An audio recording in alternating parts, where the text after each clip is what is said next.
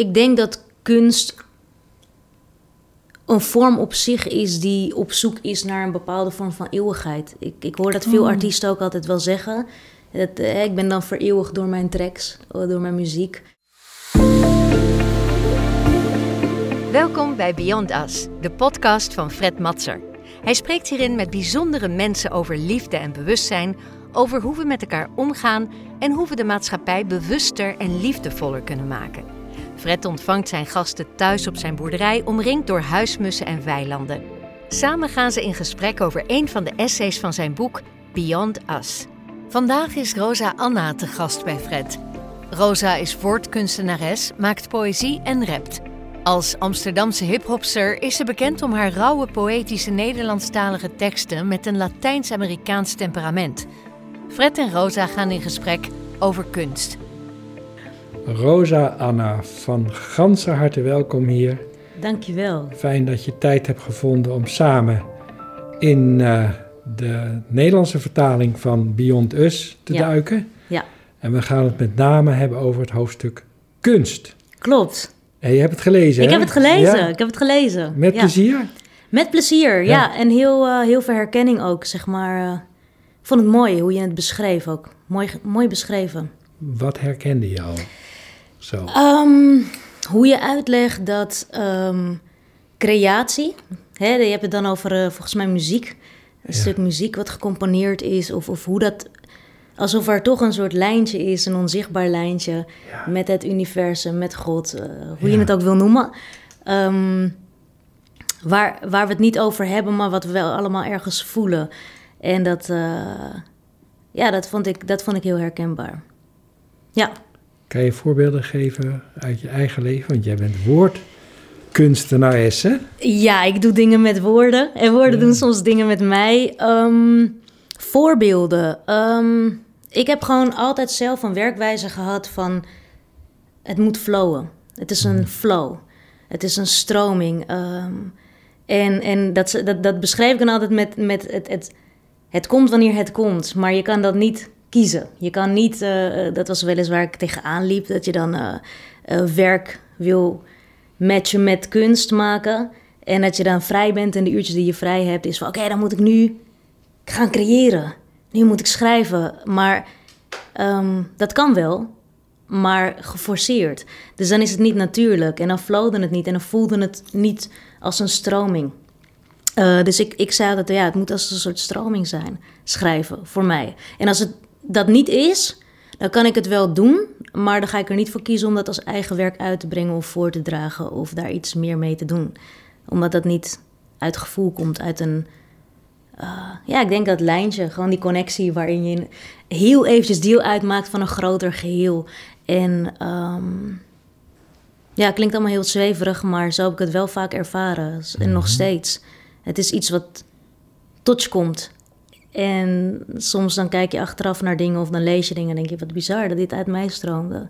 En eh, ik denk dat dat zijn dan ook best wel relatief korte tijdsspannen waarin, je, waarin dat gebeurt. Het stroomt er gewoon uit en dan heb je gewoon een hele tekst of whatever. Dat komt zomaar dan. Ja, ja. En Ja. creëer je voorwaarden, condities om, om, in- Ehm, om die flow, eh, in die flow te komen? Mm, ik denk dat dat een zoektocht is geweest. Ik ben heel jong begonnen met schrijven. Dus ik begon eh, rond mijn veertiende. Ik ben nu 33. Ehm, ik ben ook heel jong moeder geworden. Op mijn negentiende raakte ik zwanger. Op mijn twintigste kreeg ik mijn kind. Ehm, dus dan krijg je heel veel andere condities in het leven die jouw aandacht vragen. Ehm, en ik had altijd zoiets, nee, ik moet in mijn eigen space zijn, ik moet alleen zijn. Nou ja, tuurlijk, je hebt condities die je zelf aanspreekt, geloof ik heel erg. Ik denk dat we ook heel veel mindtricks hebben. Ehm, maar mijn conditie nu is gewoon, eh, ik, ben heel ik zit heel graag op een reis terug naar mezelf. Eh, thuiskomen bij mezelf, dat is heel erg waar ik eh, me de afgelopen jaren, zeg maar, in heb geïnvesteerd. Ehm, met mezelf. Dus voor mij voelt het steeds meer als ik wil zo conditieloos mogelijk. Maar de voorwaarden zijn wel, probeer in je flow van life te zitten. Dus ehm, wat zijn je dagelijkse handelingen? Uh, wat zijn je dagelijkse gedachten? Uh, waar focus je wel op? Waar focus je niet op? Dus heel erg um, vanuit die voorwaarden en dan, dan het vertrouwen en het geloof dat dingen wel zullen stromen en dan wel tot je komen als dat het geval moet zijn. De vraag die nu opkomt, dankjewel overigens, is: ja. um, komt die flow makkelijker op gang als jij in de aanwezigheid van anderen bent? Of is het ook als je alleen bent dat je in de flow kan zijn? Ik denk, Misschien kan dat allebei, ja, maar, maar ja. wat, wat, zijn dan de verschillen? Um, als er verschillen zouden zijn. Ik denk in de aanwezigheid van anderen uh, neem ik heel veel me op. Als een soort spons probeer ik dan te zijn. Dus in die energie mee te gaan van uh, dit zijn vibes. Um, uh, maar ik denk dat de momenten dat ik schrijf, dat je echt bent, dat je de tijd, want het is toch een kleine tijd of ruimte die je daarvoor creëert, dan maakt het eigenlijk denk ik niet uit waar je bent. Uh, voor mij ben ik achtergekomen, zolang je maar wel reageert op dat wat uit je komt. Ik heb vaak genoeg gedacht, oh, er stromen nu allemaal woorden en allemaal dingen die heel tof zijn. Oh, parkeer ik even, ga ik later iets mee doen. Um, en dan op het moment dat je er wel voor gaat zitten, dat je dan... Uh, uh, dat het kwijt is. Of dat het moment weg is. Of dat je niet meer weet wat het, wat het was. Of het niet meer in die flow zit. Dus ik probeer nu meer te anticiperen op... oh, er stroomt iets, ongeacht ik met mensen of zonder mensen ben. Het, het, het vacuüm zuigt je gewoon even naar een ander... Ja, ja. Ander, andere space waar je gewoon met, met dat bent. Uh, waar je ook bent, denk ik. En werk je veel met Nederlands? Of zijn er ook andere talen waar je je mee thuis voelt? Uh, voornamelijk Nederlands. Ja. Um, puur omdat ik die taal beheers en echt kan spelen en, en dieptes daarin kan, kan opzoeken. Um, ik ben, uh, mijn moeder is Chileense, van mm -hmm. Chileense origine. En zij spreekt Spaans, dus ik ben ook Spaanstalig opgevoed. alleen meester ik die taal niet. Dus ik vind Spaans nog steeds een hele mooie taal um, om je in te uiten. Zelfs Engels vind ik mooi, maar ik meester Engel, uh, Engels nog minder, naar mijn idee. Dus het, ik vind het moeilijk om, om die taal dan bezieling te geven. Terwijl ik de taal wel veel poëtischer ja, vind. Ja, ja, ja, ja. Ja. Ja, maar je gereedschapkist is veel voller ja. in het Nederlands uh, ja. taalgebied. Ja. En ik denk de uitdaging. Ik vind Nederlands is een, een taal die heel erg gecreëerd is. Nederlands handels, handelsvolk, zeg maar, handelsverleden. Mm -hmm. Dus het is een hele directe taal. Het is vrij plat, vrij koud. Ook hoe we bepaalde dingen die heel mooi zijn... Uh, uh, soms verwoorden. Dat ik denk, nou, in het Latijns, in het Spaans, in het Frans, in het Engels is dat veel mooier.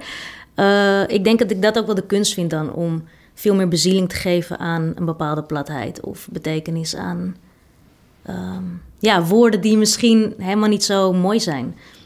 Zoals? Nou ja, als we het hebben over ik hou van jou. Mm -hmm. uh, uh, ja, je t'aime, te quiero. Zeg maar, dat zijn veel mooiere, um, vind ik, qua gevoel al. Qua klank, mm -hmm. qua dynamiek. Gewoon, weet je, dat ik Nederland is, is dus qua dat, dat vind ik een heel klein voorbeeld ervan. Ik hou van jou, ja. Uh, het is nou niet het mooiste. Het klinkt niet het mooist. Het is heel direct wel. En het zegt, het, is, het zou heel veel lading kunnen hebben. Maar als ik naar andere talen kijk en de vertaling daarvan, vind ik dat wel mooier. Ja, ja daar kan ik me wel wat bij voorstellen. Ja. ja. Ja, dan hebben we meteen over liefde, hè? Ja. Ja. Ja, ja. Is dat ook een van je thema's waar je woorden aan geeft? Minder. Minder. Um, uh, ik denk dat ik uh, woorden probeer te geven. Ik heb zelf geen. Uh, dus de liefde van mijn leven is mijn kind, zeg maar. Mm -hmm. um, en op het gebied van liefdesrelaties ben ik nooit heel sterk geweest. dus ik zelf heb daar niet heel veel positieve ervaringen uh, in, maar wel um, ervaringen die mij geleerd hebben dat ik veel meer liefde voor mezelf moest leren hebben. Zeg maar, dus die mij wel processen indwongen van uh, hoe zit dat? En, en, en ga, ga je daar wat mee doen?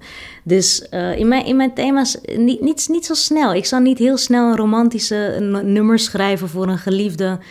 Um, ik denk dat ik echt vanaf mijn veertiende op een handvol keer tot en met nu gedaan heb. En dan was het meestal fictief. Mhm. Ja. Maar dat is ook liefdegericht in dit geval, begrijp ik, dus een ander persoon. Hè? Ja, nu romantisch dan, hè? als antwoord op die manier, ja. ja en liefde in het algemeen bedoel je? nou ja, onconditionele liefde bijvoorbeeld. Hè? ja, dat... liefde voor het leven. Precies. Liefde voor dieren. Dieren die eigenlijk, hè, je bent een woordkunstenaar. Ja. En dieren, ja, die verstaan sommige woorden wel, dat die betekenis hebben, maar ze kunnen ze niet spreken. Ja. Maar je kan, hè, mijn vriendin heeft dan een heel lief hondje, uh, Fiep, en uh, ja, daar kan, daar kan ik alle liefde voelen en die likt mijn neus en, en die geeft me pootjes en die vraagt op allerlei manieren aandacht. Mm En dan kan je die liefde woordeloos ervaren, terwijl zij wel mijn woordeloze en woordeninput ja. heeft. Hè? Dus daar ook de betekenis van woorden is er toch wel, denk ik, ook bij dieren. Hè? Of mensenwoorden, die helpen. Ja. Ik denk dat je... Ik, ik weet niet of we dezelfde taal spreken, maar ik denk dat we... Uh, is hetzelfde dat ik uh, vaker uh, andere talen nummers heb gehoord, muziek. Uh, soms weet ik helemaal niet wat er gezegd wordt, maar toch wordt er een gevoel over gebracht. en ik denk dat dat een beetje hetzelfde met dieren is ook. het dat, gaat om tonatie. Dat is een mooie vergelijking, ja. Ja. Maar tuurlijk, dat zijn, ik denk, je, schrijft vanuit een bepaalde vorm van liefde. Hè? Liefde voor kijken, analyseren, uh, voor het leven, uh, vragen, veel dingen bevragen. Um, ja, dus, dus tuurlijk, ik denk wel dat ik hoe kijk jij tegen het volgende aan? Daar heb ik ook wel eens over gedacht. Hè? Als, als je naar een klein kindje kijkt, die laat je een appel zien. En je hebt het woord nog niet uitgesproken, maar je laat de appel ruiken, je laat de appel proeven. En dan komt het moment dat je dat kindje gaat woorden leren en dan schrijf je het woord appel. En dan heb je een afbeelding van de appel erbij of de appel zelf. Ja voor mij was dat wel eigenlijk wel een moment dat eigenlijk dan er een soort verhuizing is. Verhuizing van de beleving van de echte appel naar het fenomeen appel uitgedrukt in het symbool van woorden. Ja. En is het niet een beetje zo dat je ook met woorden het risico neemt de werkelijkheid te hijacken? Zeer zeker. Ja. Ja. Hoe kijk je daar als kunstenaresse van woorden tegenaan? Nou ja, ja ik, heb, ik heb zelf uh, lange tijd uh, niks uitgebracht. En ik denk juist van, vanwege die reden. Um, woorden waren voor mij ook een uh, copingmechanisme, een, een toevluchtsoord. Want als ik, als ik woorden gebruik, dan creëer ik mijn eigen wereld. Het is je eigen perceptie. En, en door het verwoorden van dingen... Um, uh, alhoewel woorden hè, en het uitspreken van jezelf of emoties, gedachten bevrijdend kan zijn, zijn woorden op zich ook weer een gevangenis. Want je bakent iets af. Ja.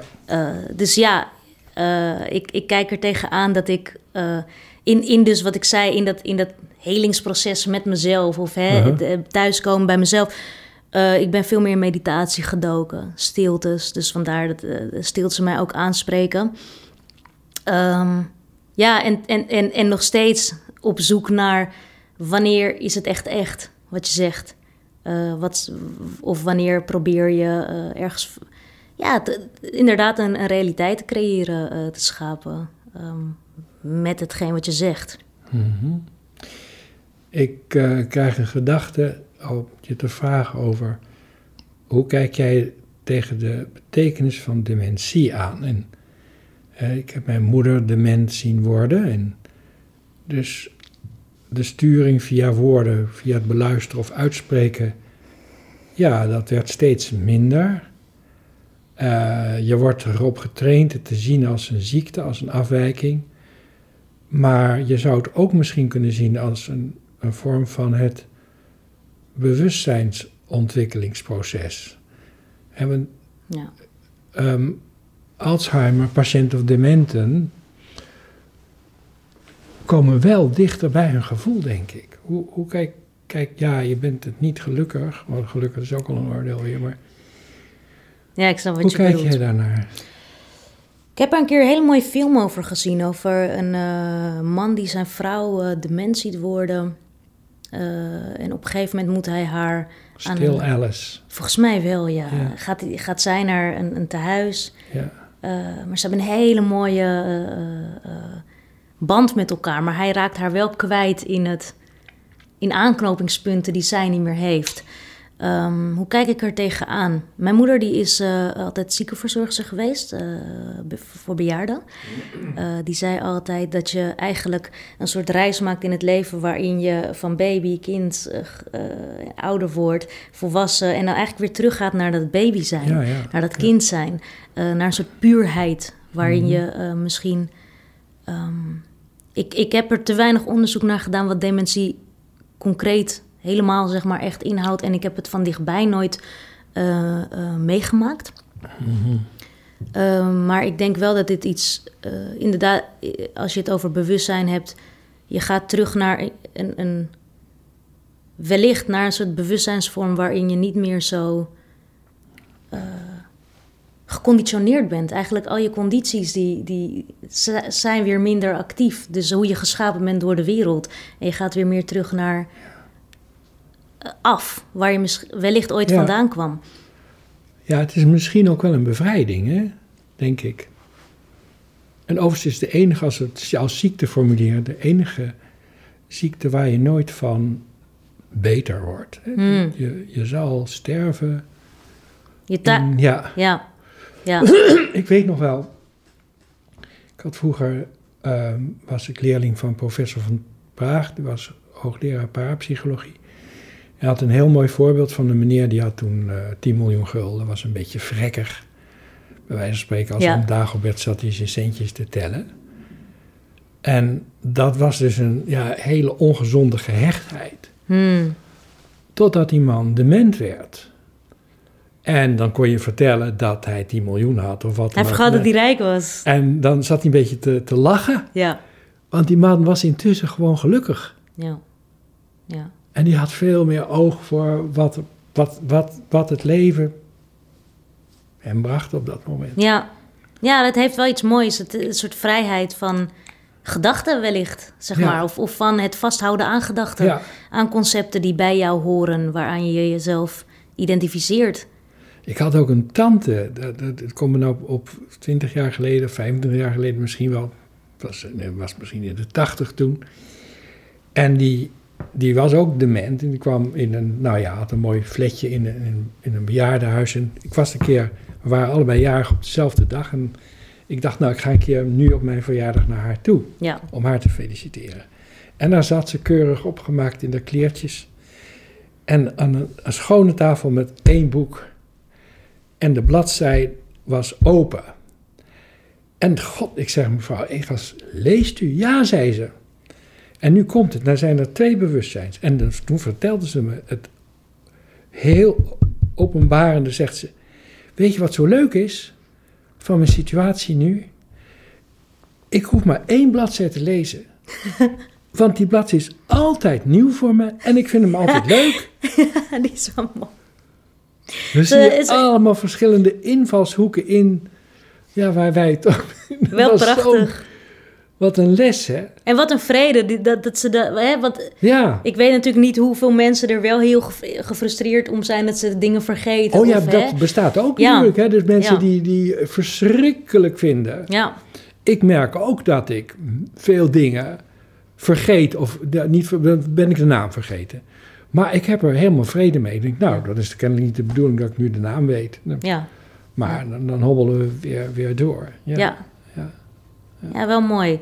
Het is inderdaad, eh, het- ja, hoe accepteer je de situaties zoals ze komen? ja. Hoort Dat, is, dat is de kunst, hè? ja, Levenskunst. Ja. ja, I guess, ja.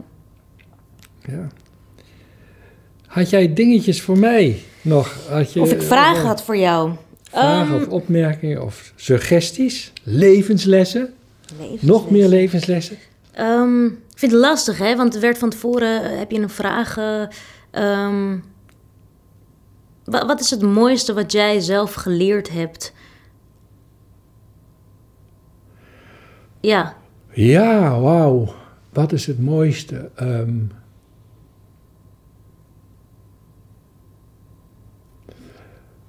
um, nou, er komt, of dat mooiste is, weet ik niet, maar ik ben getrouwd geweest met Chris en zij woonde op Hawaii toen ik haar leerde kennen. En toen we getrouwd waren, gingen we ook wel terug naar Hawaii. En er waren twee mannen die we kenden. Uh, de een was arts, een alternatieve arts, en er was een acupuncturist. Mhm. En ik ben nogal van, van het geven, maar niet zo makkelijk met ontvangen. ontvangen. En om twee uur kwam ik in de praktijk van uh, de acupuncturist binnen. En daar was die andere arts dus. En uh, die zeiden, ga maar liggen. En die hadden de hele middag ingeruimd om allerlei helingen met mij te doen. Met mhm. muziek, met alles. En dat kon ik bijna niet begrijpen, dat twee mannen elkaar dus er kennelijk op aanspreken. Dus, dus één is naar de ander gaan, zullen we dit doen? Ja. En dat ik dus iets kon ont voor het eerst iets echt kon ontvangen. Maar dat ging wel heel lang, langzaam. Ja, dat is, dat is ongelooflijk. Dan de geboorte van kinderen. Hmm. Dat is ook altijd, dat is altijd drie keer, drie dochters heb ik. Mooi. Dat zijn ook wel, de eerste weet ik nog wel het was tegen Pasen 1974. Het was doodstil buiten. Diakonessenhuis in Hilversum. En het kindje was geboren, Nina. En de klok sloeg zes uur in een stille dag. Je hoorde verder niks. Mijn moeder sterft, dat is een ander voorbeeld. En de verzorgster is daar en die belt me s morgens op. En die zegt: Ik geloof dat het tijd is om te komen. En het duurt mij hmm. een half uurtje. En hoe is het dan mogelijk dat ik pak mijn moeders hand en kijk naar haar. En dan sterft ze. Hè? Dus ja. zij reageerde al niet meer, maar er is dus iets in haar wat verbinding zoekt. En ze gaat op het moment dat ik er ben, niet daarvoor. Ja, ja, ja. ja. Ja. Hoe, hoe, kijk jij, hoe kijk jij naar de dood? Nou, verschillend. Verschillende antwoorden samenhangen met fases. Ehm, ik was ooit met Jane Goodall naar Tanzania geweest en daar heb ik opgelopen aanvankelijk verkeerd gediagnosticeerde vorm van malaria, malaria hmm. tropica. Ik was zo ziek, ziekenauto naar het ziekenhuis en ze hebben me over een röntgenapparaat heen getrokken en ik weet nog wel dat ik gebeden heb en toen heb ik gezegd, vader, waar u me ook wilt hebben, zo zal ik u daar dienen. Kan, dat zal zijn aan deze of aan gene zijde. En dus op dat moment was dat een uiting van dat ik er helemaal vrede mee had. Ja. Ehm, daarna werd ik naar een kamertje gebracht. Slecht geslapen. En de volgende ochtend kijk ik uit het raam van het ziekenhuis op een soort plaatsje, binnenplaatsje van het ziekenhuis. En daar staat een vuilnisauto. En ik voel me zo slecht dat ik een, een innerlijke gedachte had van... als ik nu een contract mag tekenen dat ik de, die, die plaats van de vuilnisman mag innemen... dan doe ik dit ter plekke. Hmm. Zo slecht voelde ik me. Ja. Ik ben daar doorheen gekomen. Nou weet ik niet precies, 1, 2, 3 dagen later rijd ik het ziekenhuis uit in zo'n uh, invalide wagentje. Het zal naar huis gaan. Komt een uh, assistentarts langs en zegt: We willen nog even een foto maken. Een röntgenfoto. Enfin, wordt een röntgenfoto. Mij slaat de angst om het hart, want ik denk: shit, hé, Zou je geen niet sterven van malaria, maar zou je kanker hebben. Hmm. Dus die man, die foto wordt gemaakt en ik zie die man na tien minuten langslopen met een foto onder en ik vraag, wat is het? En die man die kijkt mij nogal verschrikt aan en shit. het is totaal mis. En vijf minuten later word ik bij de arts, uh, de specialist geroepen dat alles oké is. Maar ik laat je dus zien, er zijn zoveel. Ik kan niet zeggen of ik vredig zal sterven of een, een panisch attack of met, tegen een boom rij of...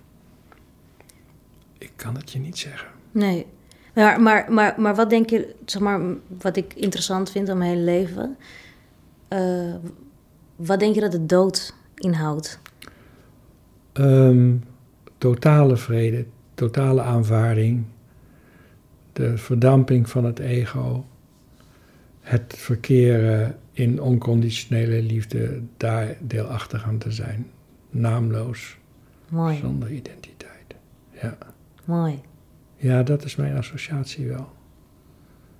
En weet je, allerlei onderzoek wijst er ook, wijst ook uit, hè, bij de laagste hersenritme heb je de grootste kans om liefde te beleven. Hmm. De meeste rust. Ja, meeste rust is er hmm. dan. Dus. Ja, er zijn wel veel dingen die in die. Uh, en al die geestverruimende middelen, die worden ook eigenlijk uh, ingezet om mensen naar zo'n uh, staat van zijn te begeleiden, waardoor je die beleving kan, kan hebben. Ja. ja. En, en heb, heb jij, tenminste dan, dan als we het toch over gebruik, heb jij geestverruimende middelen ja, gebruikt? Zeker, ja, ja, ja. Welke waren voor jou de uh, meest baanbrekende? Nou, ze zijn eigenlijk allemaal verschillend. Hè. Dus uh, MDMA, daar zit dan de, een, een psilocybin, dat zit in paddenstoelen. Uh, die geeft je een enorm gevoel van aanvaarding en, en liefde. Fantastisch. Je wordt ook hypersensitief als je een ander aanraakt of aangeraakt wordt in een positieve manier. Um, ja, ik heb ook slechte ervaringen gehad. Een keer dat ik, um, ik weet niet meer wat ik kreeg, maar werd aanvankelijk, aanvankelijk werd ik heel erg uh, prettig in mijn gevoel, tot ik dacht, Jezus, wie ben ik? Mm. En toen ging uh, dat bergafwaarts niet naar het punt waar het begon, maar slechter. Ja. En toen ben ik in een gebied geweest uh, na het leven en voor de dood. Als een oneindige ervaring. Je bent in een gebied geweest na het leven. En voor de dood. En voor de dood. Dus als ik naar de dood wilde, kon dat niet. Dan ja. wou ik niet naar het leven terug. Wauw. En, en wat in werkelijkheid uh, de beleving ook was. Ik was toen, toen ook, was ik al vader van drie dochters dat ik mijn drie dochters zag spelen in een kamer. En je hebt wat van die politieverhoorkamers. Ja. Dus er zat een spiegel. zij, hadden, ja, ja, zij hadden een spiegel. En ik kon er van mijn kant doorheen kijken. Dat was drie meter dik. En nu komt het. Dus ik ben mij bewust dat ik vader ben van mijn dochters. En mijn dochters kennen mij niet. Hmm. En die zijn toch totaal gelukkig spelen met elkaar, weten niet dat ik hun vader ben. En dat was een ultieme test in ja, welke condities je allemaal schept. Hè? Dus dat is ook van het ego of zo? Van ik, ik moet nou nodig is, zijn? Nou, dat is blijkbaar is dat. We willen allemaal ja. nodig zijn. We willen zinvol zijn voor een ander ook. Ja. En dat was vruchteloos. En dat heeft 13 uur geduurd voordat ik uit die. Uh, Maar ik kwam er dus wel uit. Hè. Dus doordat ik mijn hart, mijn hoofd, oor kon leggen op het hart van een man die heel veel liefde in zich droeg, kwam ik langzamerhand weer in de gewone wereld, of gewoon in deze wereld terecht. Mooi. Ja, wel mooi. En dan had ik nog één vraag, maar dat is meer het uh, van kinds af aan. Mijn moeder is politiek vluchtelingen. Uh, mijn vader is een Limburger. Ik heb altijd veel gereisd als kind of, van kinds af aan. En heel veel um, heel bewust geweest van een eerste wereld en een derde wereld. Ehm, hoe kijk jij aan tegen het, het, vinden van geluk, of althans geluk, hoe we in het Westen allemaal nu zeg maar op, op, op het geluk zitten en, en het zoeken naar jezelf. Ik zeg het zelf ook, ik ben bezig met self-healing. En ik, heb, ik, ik, ik, ik, ik ben daar heel dankbaar voor dat ik het privilege heb om daarin te treden. Het heeft me ook wel lang gekost, omdat ik heel lang overleefd heb, ook financieel mm niet breed had. Ehm, hoe, hoe, hoe, zie je dat uh, hè, op een globaal, uh, dus wereldwijd, hè, het, het, het, vinden van jezelf? Is dat mogelijk, denk jij, als je niet continu aan het struggelen bent? Dus uh, uh, geen, niet de financiële mogelijkheden hebt om, om rond te komen. Waardoor je eigenlijk altijd verkeert in, dat, ja, in die red race, zeg maar. In het kapitalisme, in die soort trap van het, het kapitalisme. Hoe, hoe, kijk je daar tegenaan? Want wat jij komt, jouw vader kwam, was, was heel welvarend, toch? kwam ook een heel eenvoudige familie. Ook, ja. Hè? ja. Hoe, hoe zie je dat uh, als. En puur, dat is iets wat ik zelf altijd aan, aan het denken ben van ja, het is, het is makkelijker voor mij om te zeggen: hè, pak even je zen of ga even uh, mediteren. Uh, um, uh, dan dat ik dat zeg tegen een kind in, in Venezuela die, die in een soort burgeroorlog verkeert. Weet je? De, de, hoe, hoe kijk jij daar tegenaan? Nou, hoe is het meer voor jou ook? Hè? Want jij ja. Bent dat kind van de vluchtelingen. Ja. Hoe is dat voor jou dan? Want nou, ik, ik ben wel in mijn familiesysteem op een gegeven moment gedoken dat ik erachter kwam. Ik, ik, mag ik wel gelukkig zijn? Mag ik mhm. dat wel zijn als hè, mijn voorgangers uh, in de lijn van vrouwen bijvoorbeeld toch altijd uh, hebben moeten strijden, hebben moeten vechten en hebben moeten onderdoen aan zichzelf mhm. eigenlijk. Um, en, en het is voor mij altijd een, dus, dus, hoe kijk ik er zelf tegen? Ja, ik, ik, ik denk het, dat uiteindelijk het allemaal in de mind is. Uh, en dat is je prison, evenals je prison, als je vrijheid, als je vanuit je mind weer in, je, in, in lijn kan staan met je hart. Um, maar ik heb wel gezien zelf, dus ook als, als dochter van hè, vanuit die lijnen komen, maar ook zelf jongmoeder worden, er alleen voor komen te staan. Ik was twintig, ik had geen woning in het begin, uh, financieel had ik het niet breed. Um, um, ja, geen heritage van familie waar ik, waar, ik, waar ik iets mee kon, waardoor ik erachter kwam van shit, ik heb toen overleefd. En daar kwam ik pas achter toen ik eruit stapte. Dat ik niet meer overleefd was van, oh, dat was heel heavy. Um, nu pas heb ik de, kan ik een, een ruimte creëren om te reflecteren met mezelf. Ja. Ik vraag me af of is dat mogelijk in overleving? Dus is het mogelijk voor ehm, het gros van de mensheid eigenlijk nu, hè, in de staat van de wereld waarin we verkeren, om uh, die inner peace te vinden? Maar jij bent zelf het voorbeeld ervan, hè, dat het gelukt is. In a way, hè? Ik bedoel, ik struggle, alleen ik, het mag er zijn voor mij nu. Ja, nou, ik vind het heel moeilijk om voor anderen te oordelen, maar ik keek net nog even naar de boekenkast en daar staat een boek van Edith Eva Egger. En dat is een vrouw die in concentratiekampen gezeten heeft. Ze mm. is psychotherapeute. Ze is in de negentig. En um, die beschrijft in dat boek dat ze op een bepaald moment uh, in, die, in het concentratiekamp in een veldje is.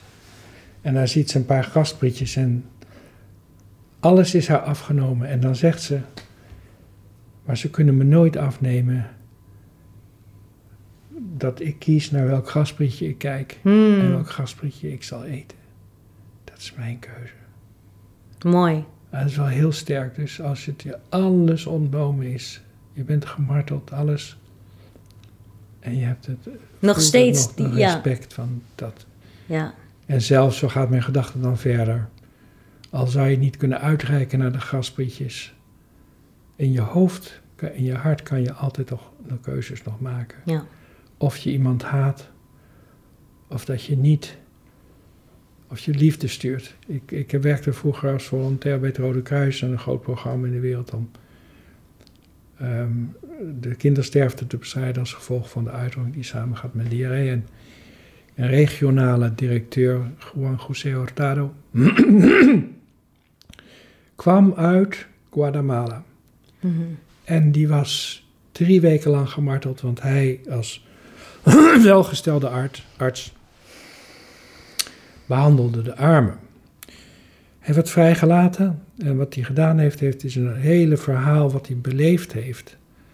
Heeft hij helemaal uitgeschreven. Een dag mee bezig geweest, weet ik het. En toen verbrand. En toen was hij vrij. Toen was hij ontketend. Vrij van zijn eigen verhaal, zeg Zijn eigen verhaal. En was een, op zich een hele vrolijke, diepe man. Ja. Ja, dus er zijn allerlei... Als je maar toegang hebt tot helingstechnieken... Ja. je durft ze toe te passen... dan kan je in heel komen. Dat zie je maar. Ja. Ja, mooi. Wat zou jouw... Uh, als ik nog één... Dat is mijn allerlaatste Wat zou jouw wens zijn voor de wereld? Vrede. Mijn naam, Fred, is vrede, betekent vrede. In het? Ik ben geboren op de rand van oorlog en vrede. Mijn moeder is hoogzwanger, wordt aangebeld. Vader wordt gezocht, zit in het verzet, hmm. verstopt zich tussen plafond en vloer. De deur gaat open, politieman komt vertellen. De Amerikanen komen ons bevrijden. En binnen, nou, één of twee uur was ik geboren. Wauw. En de naam die ze hadden was Paul. Maar dat was de naam van de verrader, dus dat werd het niet. en toen hebben ze zomaar uit de kast Fred genomen. En niet wetende wat de betekenis was. Totdat ik, nou, zo'n 30, 40 jaar geleden dat ontdekte wat de betekenis was. Niet Frederik, maar Fred heet ik. Ja. Wel mooi, bijzonder. Ja. Nou ja, we zijn wat aan meanderen geweest, hè, maar eigenlijk heb ik toch heel vaak wel in gedachten gehad. Het is de kunst van het leven, de kunst mm. van het overleven hebben we het over gehad. Hoe raag jij dat aan elkaar? Als je het weer terugbrengt als, als woordkunstenaresse. De kunst van het leven en het overleven. En dan kun je misschien ook de kunst van de dood en de. Ja. Ik, Daar kunnen we niet over overdood aan toevoegen. Nee, we alleen de kunst van de dood. Ja, en dat tussenstuk nog, zeg maar. En dat tussenstukje waar je ook kan blijven na hangen. Ja, voor de dood. Ja, um, ja, ik denk dat ik zelf... Ik denk dat kunst een vorm op zich is die op zoek is naar een bepaalde vorm van eeuwigheid. Ik, ik hoor dat veel oh. artiesten ook altijd wel zeggen. Dat, eh, ik ben dan vereeuwigd door mijn tracks, eh, door mijn muziek. Uh, uh, of, of, of, of nou ja, hoeveel. Maar hoeveel gaat er ook verloren? Want hoeveel kunstenaars zien nooit het daglicht voor het, de, voor het publieke oog? Ja. Of sommigen pas na de dood. dat is wel interessant. Uh, voor mijzelf is het een, um, een vorm van expressie, van zelfexpressie. uh. Die eigenlijk, ja, de zelfexpressie is belangrijker dan die, dat die erkend of gezien wordt. Voor mij of wel. gehoord wordt. Ja, ik, ik, ik, ik heb ook altijd gezegd, en dat, dat, dat vond ik, ja, soms vroeg me af, is dat arrogant van mezelf? Dat ik, dat ik altijd zei, um, ik moet het zelf goed vinden. En als ik het zelf niet goed vind, dan boeit het me ook echt niet wie, wie, wie het wel of niet goed vindt. Hè, sommige mensen doen dat uh, ja, voor God. Uh-huh. Het is iets heel intiems. Anderen voor zichzelf, anderen voor een kleine cirkel. Uh, andere mensen willen graag gezien worden door iedereen. Ja. dus, dus, um, en is dat kunst? Ik weet niet of dat kunst is, maar daar, daar zitten wel uitingen van kunstvormen in die wel of niet het daglicht zien. En ik denk dat een kunstenaar, over het algemeen, hoe ik dat dan bekeken heb en bekijk, dat kunstenaars wel op zoek zijn naar het vereeuwigen van een moment mhm. of een gevoel.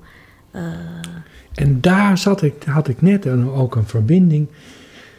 Ik besefte mij plotseling hoeveel kunst er opgeslagen is in allerlei loodsen in de wereld, ja.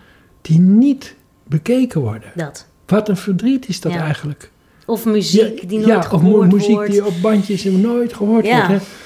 het is wel gemaakt, hè? dus ja. laten we eren dat het gemaakt is. Dat het gemaakt is met de meest oprechte inspiratie, bedoeling. Ja. Maar verdrietig dat het eigenlijk dan verdwijnt eigenlijk. Ja.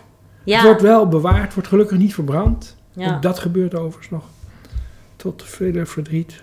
Maar dat is denk ik ook een discussiepunt. Hè? Ik bedoel, natuurlijk, er is. is hè, wat is kunst? Vanaf wanneer is iets goeds of, of, of mooi? En ik denk zelf persoonlijk in, in de, de scenes waar ik vandaan kom, ik heb de beste mensen gehoord die waar nog nooit iemand van gehoord heeft. Hm. Zeg maar, dus de meest talentvolle mensen die dan niet de skills bevatten.